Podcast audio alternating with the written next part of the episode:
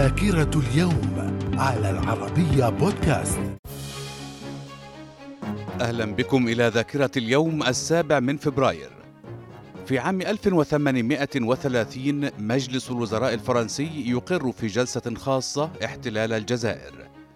في عام 1882 صدور الدستور المصري. من الذاكرة. في عام 1947 الفلسطينيون واليهود المستوطنون في فلسطين يعلنون بشكل منفصل رفضهم لاقتراح البريطاني بتقسيم فلسطين إلى دولتين الأولى فلسطينية عربية والأخرى يهودية مع بقاء القدس تحت إشراف دولي. في عام 1959 الرئيس الكوبي فيدل كاسترو يعلن دستور كوبا الجديد. من الذاكرة. في عام 1965 الملاكم الأمريكي كاسيوس كلاي يعلن إسلامه ويغير اسمه إلى محمد علي كلاي.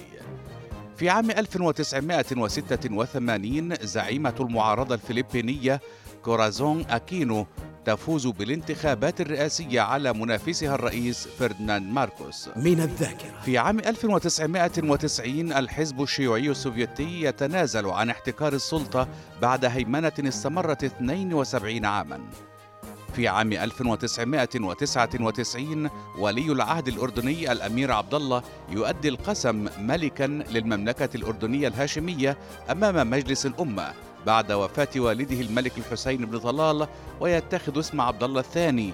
ويعين أخاه الأمير حمزة بن الحسين وليا للعهد بناء على وصية والده. من الذاكرة. في عام 2011 الإعلان عن نتيجة استفتاء جنوب السودان الذي أجري في التاسع من يناير.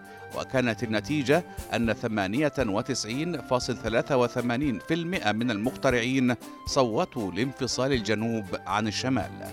في عام 2015 لوحة متى تتزوجين تباع بمبلغ 300 مليون دولار أمريكي وبذلك تصبح أغلى لوحة بيعت في التاريخ. من الذاكرة. من مواليد اليوم السابع من فبراير في عام 1960 جيمس سبايدر ممثل أمريكي.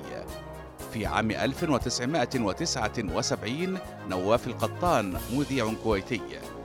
في عام 1984 نادين نسيب نجيم ممثلة لبنانية. من الذاكرة. وفي مثل هذا اليوم من كل عام يحتفل بيوم الرجال في مالطا إلى اللقاء.